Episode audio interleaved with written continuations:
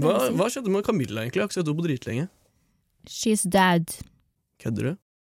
Jeg kødder ikke. Betyr det at det er ledig plass til å hoste podkasten? Det kan bety det, ja. Din, din, din. Hei og velkommen til en ny episode av Utenfor boksen. I dag kan det hende at eh, Camilla har litt mørkere stemme enn hun pleier. Si hallo, Camilla. Hei sann! Nei, det høres ikke ut som henne. det. Det er fordi prank, det er ikke Camilla. Camilla hjemme med sykt barn, så jeg, ble, jeg Sigurd Erik Torrisen, ble spurt om å ta over. Så det var veldig hyggelig. Og hvem er du, Sigurd? Hvem er jeg? Ingen vet svaret på det. Ikke deg selv engang. Jeg er uh, reklamestudent som deg, bare har litt mindre erfaring. Har eh, litt yngre, litt dummere, Styggere. styggere, men høyere. Ja. Så Så det er den eneste fordelen du har. mm. Og litt mørkere stemme. Men nå er det jo sånn at meg og Camilla snart er ferdige på studiet, og denne podkasten må jo bestå. Så da har vi vært så heldige å kunne gi, gi den over Gi til fakkelen videre. til Gi fakkelen videre til de beste som kunne ta over, altså første klasse. Så det blir deg, Sigurd, og noen andre elever. Studenter. Andre studenter, ja. Det blir bra. Jeg gleder meg. Det er en stor ære. Um, jeg har drømt om sin Du første trenger skoledag. ikke å lese hele tall. Ok, greit. Skal vi se. Uh, men i hvert fall, ja, jeg gleder meg til å jobbe med dette prosjektet, denne podkasten. Og så håper jeg vi kan få inn en ny jingle. Det er ikke lov å si. Jeg sa det. Andreas. Han kommer etter deg. Jeg er klar. Kjør podkast!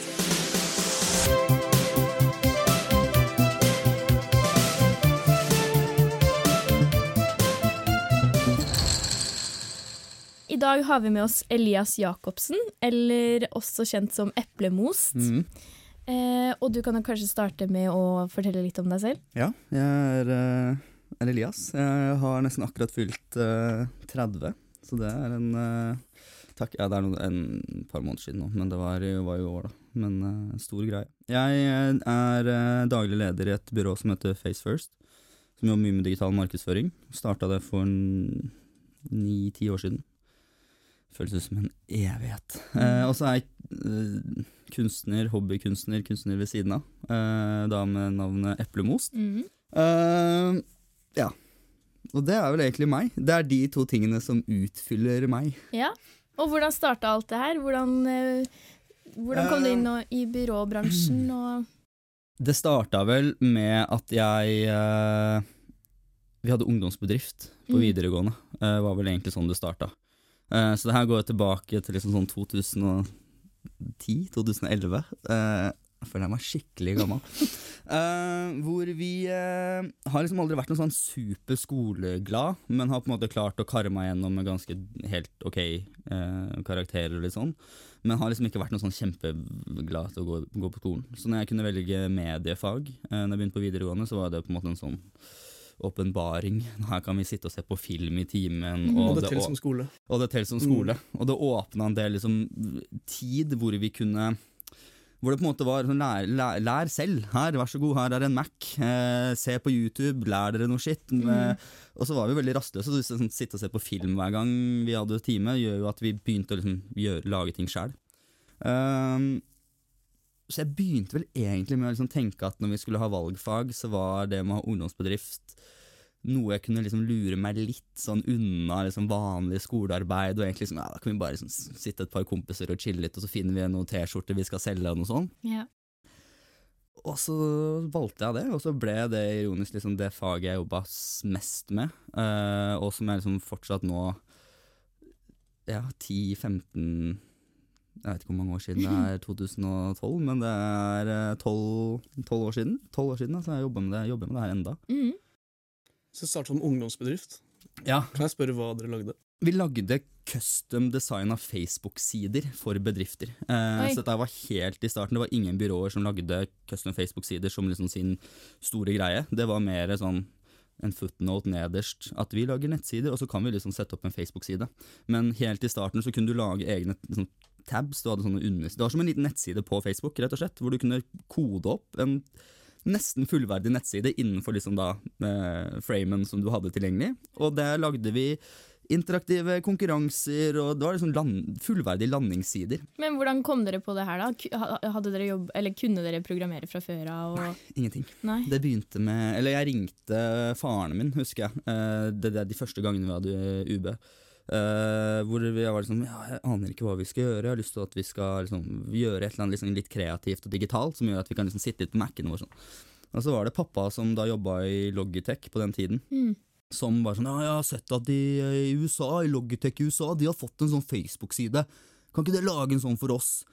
Så skjønner jeg, faen, Det er jo en ganske smart idé. Det kan vi gjøre. Vi kan jo, vi har jo Mac-ene våre, vi har Adobe-pakka, vi kan liksom Photoshop og Illustrator-ish. Uh, ingen kunne utvikling og koding, så det ble å liksom designe ting. Ja. Og så legge tomme uh, HTML-bokser Mm. over designet vårt, der vi ville at liksom, her er det en knapp. Legg designet i bunn, et helt flatt bilde, med noen tomme liksom, HTML-bokser over, som vi uh, da lærte oss å liksom Denne koden skal gå dit, Mm. denne koden her skal det gå dit.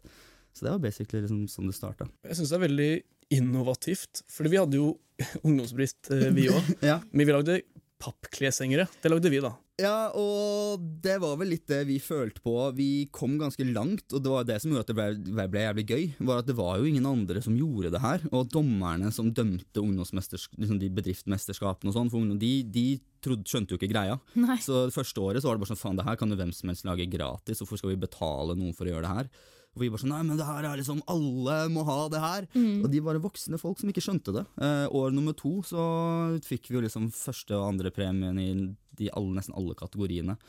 Og da var det for å liksom være litt sånn drittunge som sitter bakerst i klassen og skal vippe på stolen og alltid ha en vits på lur, til å bare ah, dette her er dritfett, dette er kjempegøy. Masse mestring, masse bekreftelse. Få jobba med liksom Apple og hadde liksom store kunder som vi liksom jobba med. Som en fillete liten ungdomsbedrift. Men da fant du noe du brant for, Mm. eh, som da du kunne faktisk jobbe videre med, Ja. og gjøre til da, din egen business. Og det var liksom der, der det starta. Ja. Så holdt vi på med det i to år. Eh, kom, det var et nytt selskap som da etter to år eh, Da begynte liksom byråverden også å få eh, Nå skulle alle gjøre det her. Mm. Eh, så var det et byrå som starta opp eh, i Oslo, som eh, da kjøpte ungdomsbedriften vår. Ja. Eller de på en måte Vi ble nok ganske lurt, uten at vi liksom helt visste hva vi dreiv med. Mm. Men vi fikk noe opsjonsavtale som liksom Jeg har aldri sett snurten til noe av det i det hele tatt. Men det var en fin erfaring, og vi Ja. var jo 18 år. Og kunne plutselig liksom tjene voksenpenger. Da hadde jeg liksom Jeg tror jeg fikk utbetalt som 18 000 kroner eller noe. Og det var bare sånn Shit, jeg har 20 000 i lønn! Ja. Ja, men tenk hvor mye det er for en 18-åring. Ja, det For oss så var det jo helt sinnssykt Da kan du mye. kjøpe Eh, det er mye for meg hus, nå. Kjøpe, du, kan, du kan komme ut av huden, endelig. jeg, jeg har tatt, tatt vare på alle gutta mine etter det. For det nå regner det Gutta, jeg spanderer. Ja, ja. Regner det på meg, så drypper det på gutta. Ja. Nei, det, det er jeg ikke. Men uh, ja. Og så startet du Face First. Er det noe hopp mellom her? Ja, det er jo det. Jeg begynte jo på høyskolen. Eh, eller først, De kjøpte opp den ungdomsbedriften. Vi kom dit, jobba der. De skulle da jobbe som sosiale medieeksperter. Eh, det syns jeg er en sykt ræva tittel. Eh, Ja. Det er ingen som er ekspert på sosiale medier. Du kan være jævlig god, men det endrer seg hele tiden. Mm. Så folk som påstår at de på en måte, dette er dritgod på, er ekspert, det har jeg ikke noe tro på. Uh, men at du er kjempegod og vil Mm. gjerne være på hele tiden og få med deg alt, kjempebra.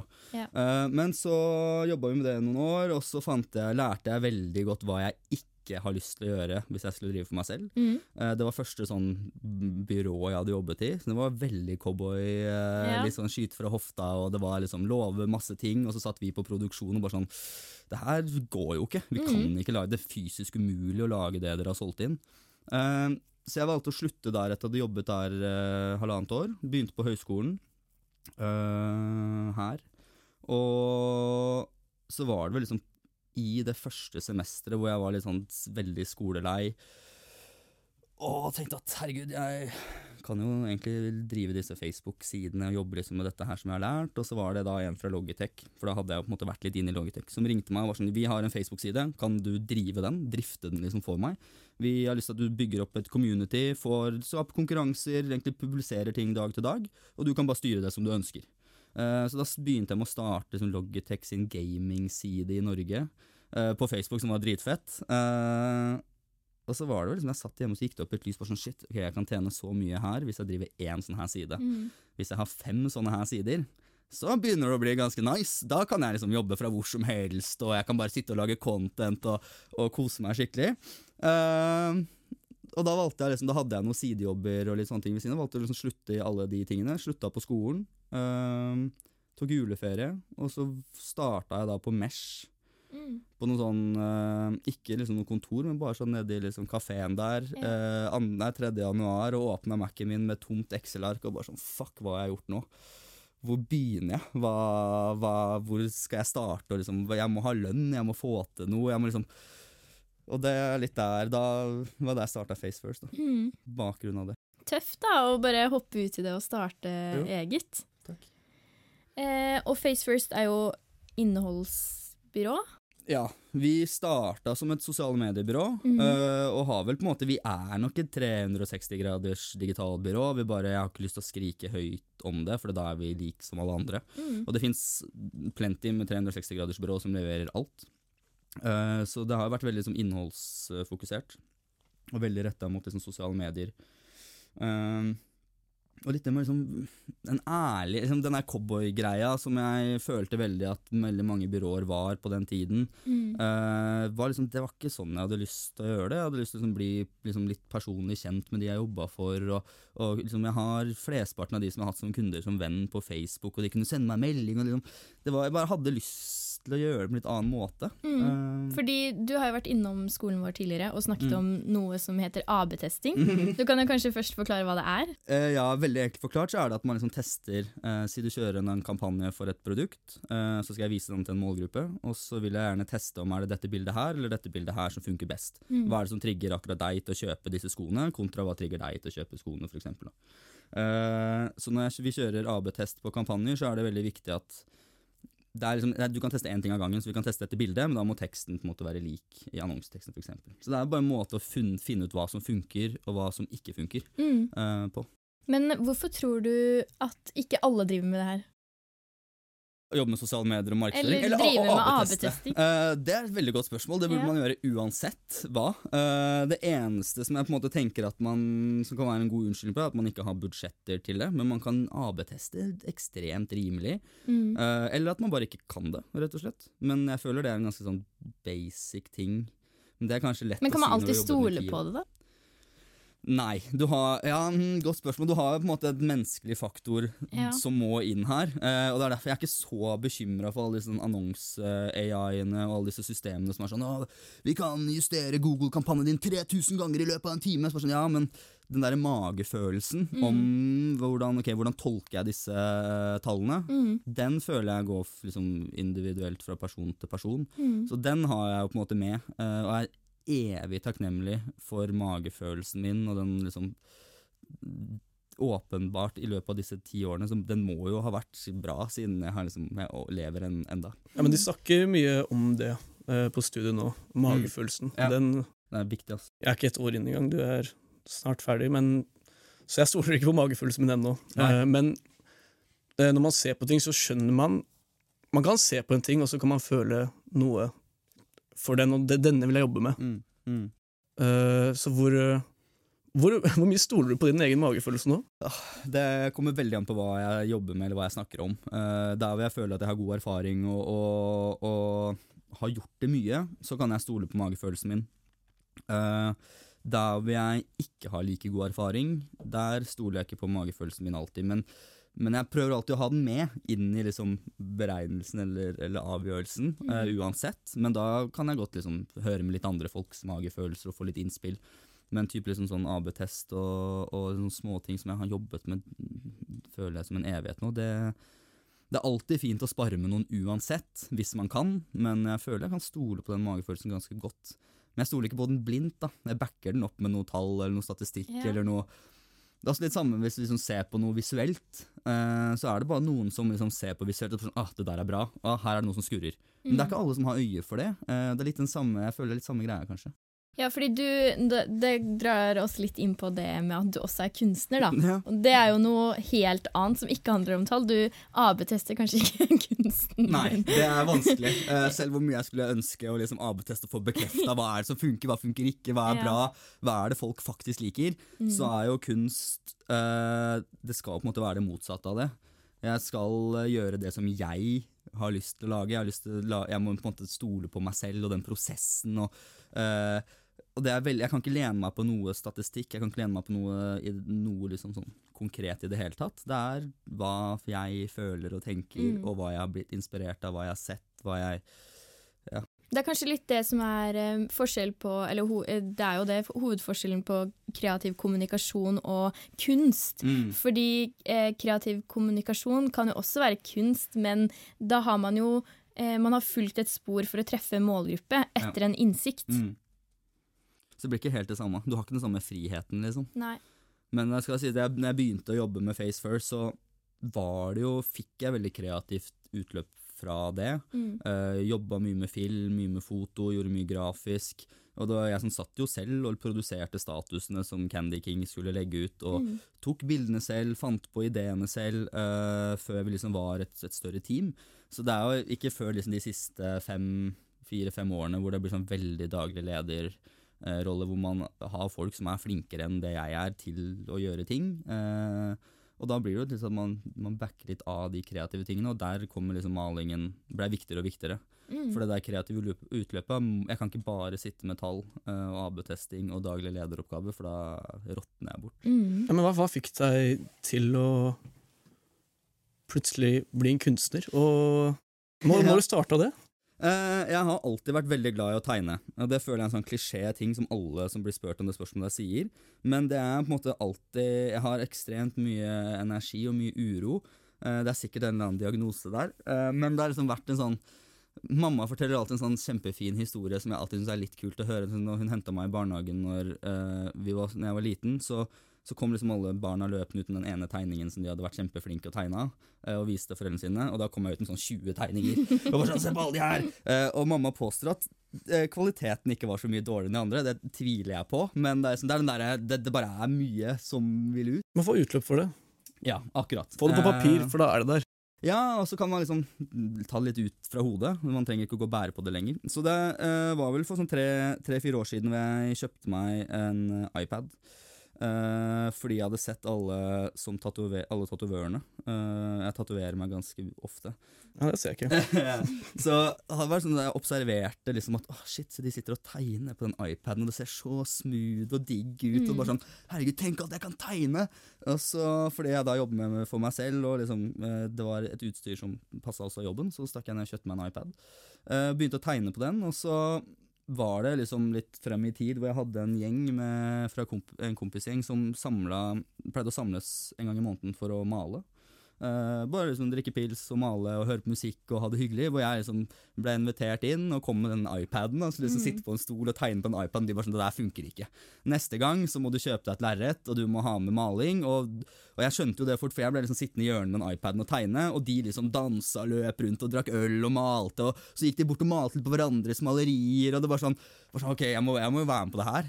Uh, så da gangen etter, og det her er sikkert to, to eller tre år siden, så gangen etter tok jeg med meg et lerret og kjøpte noe maling. Og så da valgte jeg liksom å begynne med å male et av de tingene som jeg hadde tegna på iPaden først. Uh, for det er jo dritskummelt uh, å gå fra det å ha muligheten til å tappe to fingre og gå tilbake, kontra det å være på et lerret hvor sånn ja, ja, du kan alltids male over, men da må du gjøre hele jævla jobben på nytt. Og det er ikke så kult. Eh, så den der frykten om å drite seg ut, frykten om å gjøre feil, å det skal være bra med en gang, den satt, hadde jeg ekstremt mye. Så var det sånn ok, jeg må bare velge et eller annet som er safe, eh, og så begynner jeg med det, og så bare er jeg, er jeg i gang, i hvert fall. Uh, så det var liksom, jeg ble liksom pusha litt ut i det.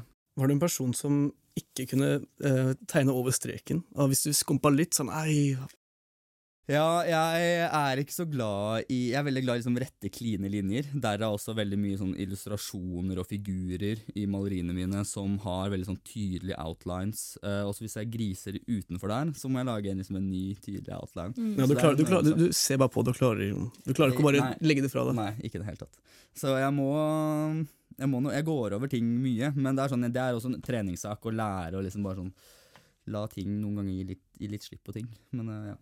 Du er jo også veldig personlig i kunsten din. Mm. Eh, den siste eh, Du kaller det sesongen. Eh, Ja. Har du kalt selvforakt? Mm. Er det rett? Ja. Em, og du har også eh, fortalt at mange av de tekstene du har på bildene dine, er fra din egen dagbok. Mm. Eh, hvordan tør du det? Eh, litt sånn blindt ved å bare gjøre det og lukke øya og ikke tenke så mye på det. Mm. Eh, der, den biten når jeg liksom står og maler og faktisk gjør det, så er det, er det kjempenice. Eh, de tek alle tekstene jeg bruker, kommer fra mine egne dagbøker eller journal eller noen notater. Jeg, har liksom, jeg liker å skape en eller annen form for følelse. Jeg er veldig glad i å provosere, egentlig. Mm. Uh, men jeg har ikke lyst til å provosere bare for å provosere, for da føler jeg at man bare er en drittunge. Uh, det har jeg vært når jeg gikk på ungdomsskolen og sånn. Du er ferdig med det? Ferdig med det. Jeg føler jeg kan provosere, men da må jeg provosere med noe som er mitt, noe som er ekte, eller Mm. skape noen følelser eller noe. Så jeg, når jeg selv har gått gjennom ting, eller har deala med ting, uh, så har det å liksom reise ned og male vært en fin aktivitet å gjøre. Mm. Og det å skrive journal eller skrive dagbok hjelper også helt sinnssykt mye. Så har det blitt at jeg skriver som regel bare dagbok når jeg har det tøft eller skikkelig kjipt, og så er jeg ikke så flink til å skrive når jeg har det bra. Så derav så kom det bare en lang Det var en kveld for eh, noen år, sikkert to år siden var på en hyttetur, og så skulle jeg ha med sånn skissebok og sitte og skisse, for jeg, sånn, jeg trenger å skisse, for jeg vet ikke, jeg vet da faen hva jeg skal male. Jeg trenger uh, ideer til maling. Nå står jeg bare med sånn tomme lerret og lager dritt. Uh, så da må jeg gjøre forarbeid. Jeg må begynne å bruke de tingene jeg har lært uh, på skolen og liksom i jobb. og alt sånt, Da må jeg gjøre research. Mm. Og så var det i løpet av den hytteturen hvor jeg også liksom skrev dagbok, hvor det bare, jeg satt og tegna noen figurer, og så var det bare en eller annen idé sånn fuck, jeg kan kombinere noen av de tekstene. Jeg bare plukker ut noen sånne one-liners fra mine, de dagbøkene her, som er litt sånn såre eller kan liksom vekke noe. Og så skrev jeg de på. Så det var liksom bare sånn bilde av en da banan, eh, avkappa banan med liksom tekster rundt. Og så fuck, det her var litt gøy, og så ble det en sånn greie at når jeg ikke eh, Etter tekstene var skrevet på lerretet, så var det på en måte litt sånn Det tok bort litt sånn derre f- makta, eller den følelsen, eller mm, ja, det som er knytta til den teksten, eller det minnet. Mm. Eh, plutselig så var det liksom litt blottlagt, plutselig så kunne alle lese det. Mm. Og så sto folk på utstillinger og leste det, tolka det til sitt liv, Mm. eh, og fortalte meg om 'Å, jeg kan kjenne meg igjen i det', eller 'Å, jeg opplevde det på denne måten'. Og så sånn, ah, faen, det var ikke bare jeg som hadde det sånn. Eller ah, shit, andre har også opplevd det, men de har tolka det helt annerledes. Så det, bare, det fjerna litt den der at meg, meg, meg, og jeg har det kjipt, og jeg har det dritt, og dette er bare jeg jeg er alene om det her. Uh, så det ga liksom mersmak. Ja. Og så har det bare liksom blitt sånn at det har blitt en, min, en ting jeg syns er fint å gjøre. Ja, for altså den hvor, Jeg hadde ikke turt å skal jeg si, hvis jeg, jeg har ikke en dagbok, men jeg har notater Ja, ja. som jeg skriver. Ja. Uh, også når jeg har det fint, også når jeg er det litt kjipt. Ja. Men jeg hadde, kunne aldri i verden tenkt meg å eh, vise det til offentlig. Det hadde vært litt som å uh, gå naken på Karl Johan. Altså, det, er sånn, det, det hadde jeg ikke gjort. Nei, og Vi snakker mye om på studiet sånn generelt at det er skummelt å bare blottlegge seg for sine ideer, som ofte er litt sånn overfladiske, som, noe, som ikke har noe med meg personlig å gjøre, men som fortsatt føles personlig. Ja, for det er din idé. Det er du som Ja. sier det høyt. Ja. Føler du at em, når du em, på en måte for eksempel på eh, Face First, Mm. Når du har AB-testing, at det legger litt tryggere rammer, og at du slipper å blottlegge deg så mye og være um, så personlig? Ja, det gjør det nok, men der også Jeg har jeg føler at jeg har liksom forskjellig mental alder i det jeg liksom tar på meg jobbhatten, face first-hatten, kontra liksom meg privat. Uh, at jeg er bare mye tryggere, har mye mer erfaring. Uh, har liksom resultater som tilsier at dette her At jeg på en eller annen måte burde vite hva jeg driver med. Eh, og fordi jeg har gjort det så lenge nå, så Eh, jeg vil si ja, absolutt. Det er en kjempefin trygghet, og man kan slå i bordet med å si at men se her, dette faktisk funker, og dette Mm. her funker ikke, så det her skal vi ikke bruke mer penger på, men vi bruker pengene dine på dette her, kjære kunde, for du vil jo ha noe igjen. Mm. Så man, og jeg kan jo ikke ta fingeren i lufta og bare sånn Nei, jeg tror den her funker bedre enn den. For det er umulig å si, for målgruppen også er liksom forskjellig hele tiden. Tidene endrer seg. eh, liksom det er så mange faktorer. Mm. Men jeg kan jo være mye tryggere på å gå inn i et møte med en kunde og på en måte winge det, eller høre hva kunden sier, og der og da legge strategien i hodet mitt på hva jeg skal si, eller hva de faktisk har behov for. Mm. Kontra å være sånn Nei, men vi har disse pakkene her, eller sånn og sånn. Eller dette er bra, dette trenger du. Det er liksom, så det skaper jo en trygghet, men jeg ville ikke lent meg på det alene. Nei. Vi snakket jo litt om liksom nesten ABVS følelser, men vi har jo også lært eh, og sett at eh, hvis kreativ kommunikasjon skal treffe, så må man treffe en følelse i folk. Eh, forsvinner det litt når man eh, bruker sånn testing?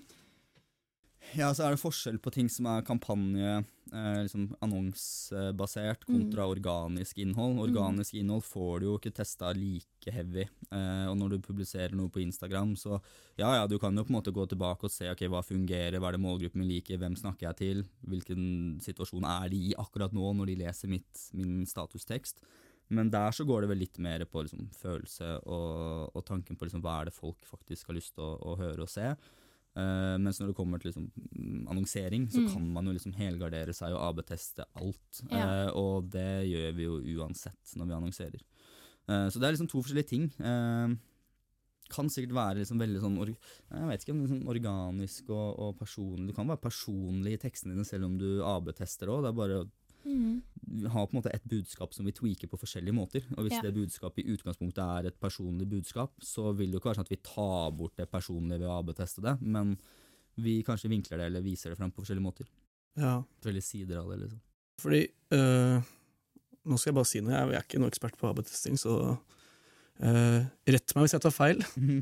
Men det er vel ulike det- kan være lurt å finne ulike sånn nisje-målgrupper Mm. øh, når du gjør Mm. Og da blir det kanskje litt mer personlig, uh, hvis du skal appellere til akkurat de følelsene, enn Mm. alle, en alle som da Vi sparer penger. Så da, Mm, mm. hvis vi ser et salg, å, da ser jeg på det. Mm. Ja, altså er det veldig sånn Jeg AB-tester jo ingenting når det kommer til liksom det personlige eplemostingene. Nei.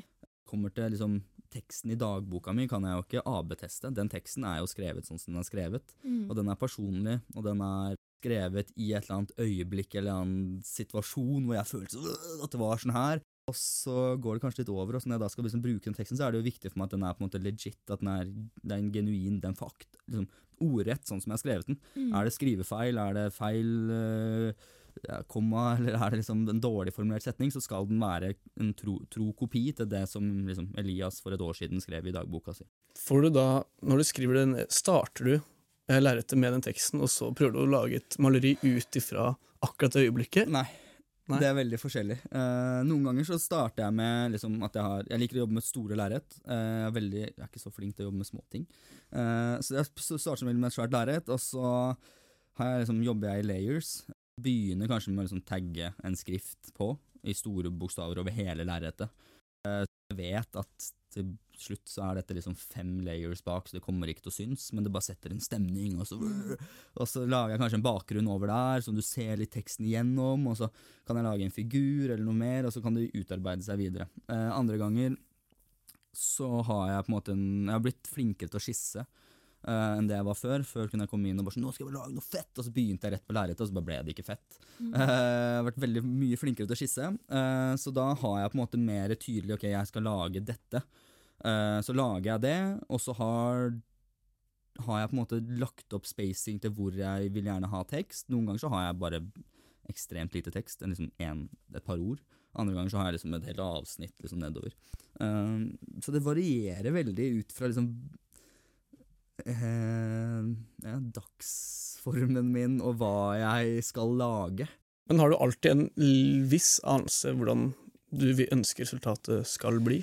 Jeg skulle ønske at jeg hadde det. Jeg vil som regel alltid ha det. Og det er kanskje litt den der eh, at jeg vil ha liksom noen trygge rammer, eller jeg vil, jeg vil liksom vite at ok, den, det bildet jeg ser i hodet nå, eller det jeg skal male, det kommer til å bli sånn her. Og jeg har en visjon, og det kommer til å bli dritbra. Ja. Uh, og det har man jo veldig sjelden. Eh, Jeg har kanskje én ting. Jeg har den ene kirken her jeg skal tegne at den brenner sånn og sånn. Eller jeg har det ene her teksten som jeg har lyst til å bruke til noe. Eller jeg fikk eh, Jeg solgte et maleri. Altså sånn, Shit, da er jeg keen på å lage det på nytt. eh, I en ny variant, med bare enda mer ting inn. For da har jeg liksom gjort noe riktig her. Så det varierer veldig uh, ut ifra Ja, liksom Ja, tiden der Men og da. har du noen ganger liksom tanker, i hvert fall når man er så personlig, liksom, tanker om eh, hva du vil at folk skal tenke når de ser bildet? Fordi folk eh, tolker jo dine personlige tekster veldig Mm. forskjellig. Mm. Har du følt på liksom, eksempel at folk har tolket ting helt feil i forhold til ditt hode? Ja. Jeg har ikke noe ønske Det er et godt spørsmål. Jeg tror ikke jeg har et ønske om hvordan folk skal tolke det. Uh, fordi at jeg er, blir så opphengt i forkant av at denne følelsen er det bare jeg som har, eller det er bare jeg som har gått gjennom akkurat den tingen, og det er helt unikt for meg. Så det er jo ingen som kan kjenne seg igjen i det her. Det gir jo ikke mening. Uh, så jeg tror det er mer sånn «Åh, Kom og se på hva jeg har følt, eller hvordan jeg har hatt det. Uh, så det er litt sånn eksponeringsbehov. men så har jeg jo opplevd nesten hver gang at folk kommer, de leser tekstene, de har en eller annen reaksjon. eh, alle har jo ikke det, selvfølgelig, men noen har det. Og, og så forteller de meg om det i etterkant, og så sånn 'Å, jeg opplevde sånn og sånn'. Og så, Faen, det er ikke det den teksten der betyr det hele tatt. Det har ingenting med det å gjøre. Hvordan fikk du det ut fra det? Uh, og da bare smiler man og sånn Jøss, herregud, så, så stor, så sterkt, og liksom så står folk og griner og forteller, og, og det er jo kjempestort. Ja. Og første gang det skjedde, så visste jeg ikke helt hvordan jeg liksom skulle forholde meg til det, fordi jeg forventa ikke det i det hele tatt. Nei, for jeg har alltid lurt på sånn eh, de har, det, har jo, det har jo blitt gjort mye sånn stunt sånn ah, Nei, det var et barn som tegna dette her, det var Mm. bare tull og Mm. eh, Men så blir det jo likevel kunst. Jeg har alltid lurt Mm. på liksom, om kunstnere liksom eh, Om de har sånn forutinntatte liksom, eh, tanker om hva folk skal føle. Mm, en eller om intensjon liksom rundt Ja. Ja. Nei, veldig sjelden. Jeg har som regel en tanke om at uh, shit, jeg håper folk syns det her er fett. Uh, og det er også en ting jeg jobber med, at jeg burde liksom lage ting som jeg syns er fett. Men liksom, vi er mennesker, og vi syns jo bekreftelse og synlighet og det å klare seg, liksom å komme steder og, og lykkes, er jo noe vi alle på en måte ønsker.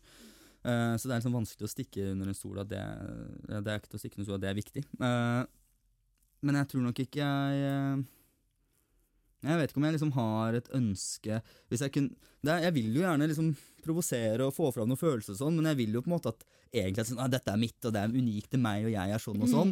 Uh, men det er nok en bra læringssak og en veldig fin greie å se at liksom, folk tar det veldig forskjellig. Mm. Det er også Eh, veldig gøy, sånn, eller forskjell på kunst og kreativ kommunikasjon. At man eh, i kommunikasjon har et mål om hva folk skal føle. Eller, da, da vil man jo at folk skal Mm. Ja. føle noe. Ja. Mens i kunst så er det kanskje mer åpent. Ja, kjører jeg en kampanje for noen joggesko, så vil jeg at du kjøper de joggeskoene. Ja. Da blir jo kunden min Ikke bli provosert. Uh, ja, ikke bli provosert av de joggeskoene.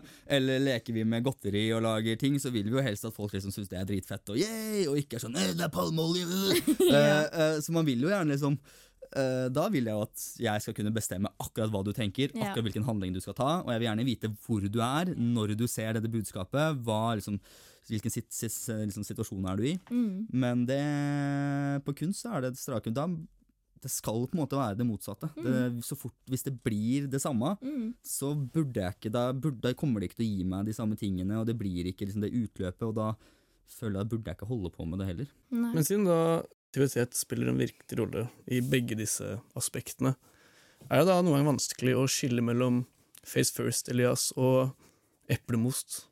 Serien. Um, det er et godt spørsmål som du helt sikkert burde stille til de på jobben min. Men jeg tipper nok at det er en, eh, en krysning der. Absolutt. Og jeg bruker jo på en måte det jeg har lært og kan fra jobben, så godt jeg kan inn i liksom eplemost, og det jeg lærer om fargekombinasjoner og liksom posisjonering og sånn, bruker jeg og prøver liksom Jeg prøver å bruke det om hverandre. Mm. Eh, og jeg ser det egentlig bare som en fordel at jeg er en liksom, litt sånn urolig, uh, stressa person som har mye ting som skjer hele tiden. Og det tror jeg de andre på jobben også ser når vi liksom har workshops og er kreative. hvor alle liksom sitter rundt i sofaen og, og, planlegger ting, mens jeg er liksom oppe og går og kaster ball og det er sånn ja. hele tiden. Uh, på kaffe nummer sju og Ja, ikke sant. Og da kan nok fort liksom disse ideene og liksom tankeprosessene er nok litt av mye av det samme, men det er så forskjellige ting man tenker på. Eh, liksom her er det jobb og kunder og kroner og øre og tall og resultater og er det dette blå bildet eller dette mm. røde bildet som fungerer best? Mens her så er det sånn, her skal jeg på en måte prøve å ikke tenke så mye mm. med kunsten og bare Det er veldig gøy at du da kan uh, dra fordeler ut fra begge ting og mm. uh, bruke det da til å gjøre både kunsten mm. bedre og annonsene bedre.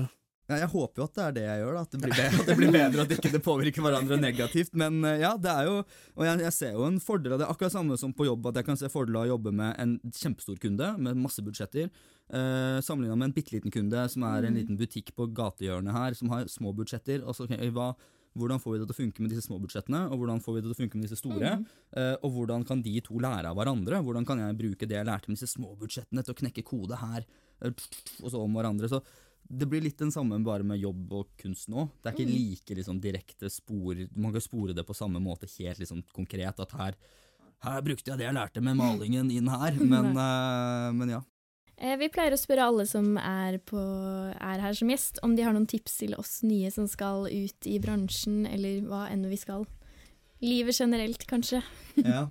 Det er bare gjøre det, er liksom det tipset. Det tipper jeg så mange sier. Men det er sånn Jeg har en sånn gammel mentor eh, som er sånn hvit i håret eh, og har liksom pondus og, og har liksom vært ute en en vinternatt og har erfart mye og jobber mye i business. Og Han sier alltid det hver gang jeg stresser eller hver gang jeg er bekymra for et eller annet, så ringer han så er det bare sånn Slapp av. Det er liksom det, som, det, det, skal godt gjøres å sulte i Norge, og vi er veldig heldige som bor i Norge og har liksom støtteapparatene vi har, og, og, har ganske mange sikkerhetsnett. Så jeg har liksom prøvd, når han forteller meg det, og liksom roer meg litt, og tenker sånn Ok, det viktigste er bare at man prøver. Eh, mm. At jeg hopper i det, jeg tester. Det kan ikke gå det kan gå ille, selvfølgelig, men det kan ikke gå så ille. Uh, vi er ganske bortskjemt og ganske heldige at vi har de mulighetene vi har. Så mitt beste tips er liksom ikke vent, begynn med det. Uh, sitter du liksom med en eller annen følelse eller en tanke om at shit, her, her, har jeg lyst til å gjøre noe, eller her er jeg kanskje inne på noe. Mm. Man kan alltids begynne på skolen igjen, liksom. Det var det jeg tenkte. Jeg kan alltids begynne å studere igjen. Går det her feil, så er det alltid en, det er alltid en backup. Mm. Trygge rammer.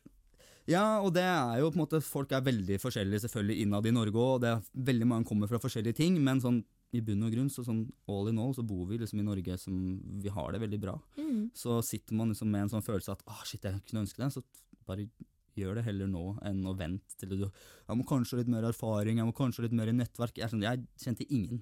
Uh, og kunne ingenting om å drive bedrift, uh, bortsett fra liksom, ungdomsbedrift på videregående. Det er ikke det samme. Uh, å ha ansvar nå for liksom, ti ansatte uh, å drive daglig lederansvar. Det er, sånn, det er ingenting jeg lærte på skolen som, som, lærte meg det der. Og jeg er liksom Hver dag jeg står opp og går nå, er en dag hvor jeg lærer noe nytt. Uh, det er første gang jeg er byrå, driver byrå. Første gang jeg er kunstner liksom, i livet mitt. Så det Ja, bare gjør det. Bra tips. Lukke øya, hoppe i det. Ja. Det var beroligende å høre. Mm. Kan jeg stille deg et lite spørsmål nå til eplemost? Ja. Uh, ettersom sesong sju var selv, selvforakt, mm. så det at uh, ønsker da at du skal beseire denne styggen på ryggen. Mm. Hva kan vi forvente i sesong åtte? Uh, ikke det, i hvert fall. det skal jeg love deg. Nei, jeg, jeg har uh, Det er vel første sesongen hvor uh, sesong syv hvor det er en sånn ordentlig tema Det er en historie bak det. Og mm. det følte jeg også var viktig. Vanligvis vil jeg at folk tolker ting litt selv. de andre sesongene så er det litt, litt opp til lese tekst og litt opp til tolkning. Mens her så er bildene har ikke tekst og er en helt annen type stil. Uh, det, er den, det, er de bildene jeg har laget som flest mennesker har sagt de ikke liker, uh, som bare gjør at det er enda fetere. Uh, så jeg føler liksom at her trengs det en historie, det trengs en forklaring bak. så sesong åtte har jeg på en måte allerede ganske godt i gang med, og har fått litt sånn blod på tann, for jeg har fått litt andre ideer. Og, andre, og den pastell-krittgreia som jeg gjorde i sesong syv, er ikke det jeg kommer til å gjøre liksom, i sesong åtte og videre. Okay. Det er liksom, Ripp. Ja, det var en jeg, jeg, jeg liker å teste forskjellige stiler. Jeg liker å prøve å utvikle meg og er liksom ikke låst til én type greie. Jeg begynner å finne liksom litt den retningen som jeg vil holde meg innenfor. Uh, som jeg også selv syns er fett, og jeg får mest mulig bekreftelse, og jeg føler at her, her er liksom, dette er min strek. Uh, den pastellgreia også, jeg, bare for å øve meg med nye ting. Så jeg har hatt flere også som har vært sånn Du lager bare depressiv kunst. Når skal du lage liksom, positiv kunst? Så sånn, det er ingen Jeg har i hvert fall et inntrykk at det er ingen som vil se det. Det er jo ikke noe gøy. Du får ikke provosert med blid og happy kunst som 'jeg har det kjempebra, og livet er bra'. Det er sånn, det er, man kan provosere hvis man er for glad. ja, absolutt. Det veit jeg ikke om jeg har i meg. Men uh, nei, så jeg, jeg, har tenkt mye på det der. Uh, og jeg er ikke en person som er liksom bekymra for meg selv. Uh, det står mye depressive ting, og det er ikke sånn at jeg går rundt og liksom bærer på det og føler på det til enhver tid. Det er veldig sånn der og da, og så kan jeg skrive det ned, og så er det liksom litt forbi eller litt glemt, eller jeg tar det ikke liksom like seriøst etter at jeg liksom er ferdig å føle på det. Så jeg, uh, jeg tror det er flere andre som har mer behov for å se sånn at det går bra, og her er det noe positivt, enn det jeg har, mm. uh, egentlig. Spennende. Vi gleder oss. Takk. Tusen takk for at og, du ville være med på denne podkasten. Og før uh, vi drar, så har vi en liten gave til deg. Nei. Ja, Men det pleier vi ikke å gjøre i podkasten. Ja, men vi gjør det i podkasten okay, i dag. Vi gjør det nå. Det er gøy. Ja, herregud, så gøy. Det er stas. Aranya nevnte at uh, Eh, Aranya nevnte at du hadde fått litt for mange bøker, som det de andre ja, gjestene våre har. Så derfor Nei! har vi laget Herregud, det er jo helt nydelig! Og med custom label! Å, fy faen. Er, vil du beskrive hva du fikk? Nå fikk jeg en eplemostflaske. En glassflaske med Askim eplemost. Og så har jeg jo um, to e-er på starten av eplemostnavnet mitt, så den er, uh, den er custom made med to e-er. Så det her er jo Norges beste eplemost. Superpersonlig, dritnice gjennomtenkt gave. Tusen takk. Ekstremt kreativt. Mm. Har ikke fått det før. Nei? Jeg har fått eplemost, men det har ikke vært to e-er på den. sånn som det her. Har du fått fra Askim før? Dårlig. Aldri fra Askim. Det, det, er den beste. Det er den beste. Ja, ja. Det er den beste. Er det? det er. Mm, ja. Fra Norges. Er du tilfeldigvis fra Askim? Det kan hende jeg er fra Askim. Ja, Skjult reklame. tusen hjertelig, ass. Det var skikkelig kult. Bra gjennomtenkt greie. Takk. Er det dobbel E på dere så? På Nei, det er til deg, ja. Alle er til, deg. Alle er til meg? Ja, ja. Å, det er bare å chugge ned på eplemos. Det. Det er sånn vi gjør på Utenfor boksen.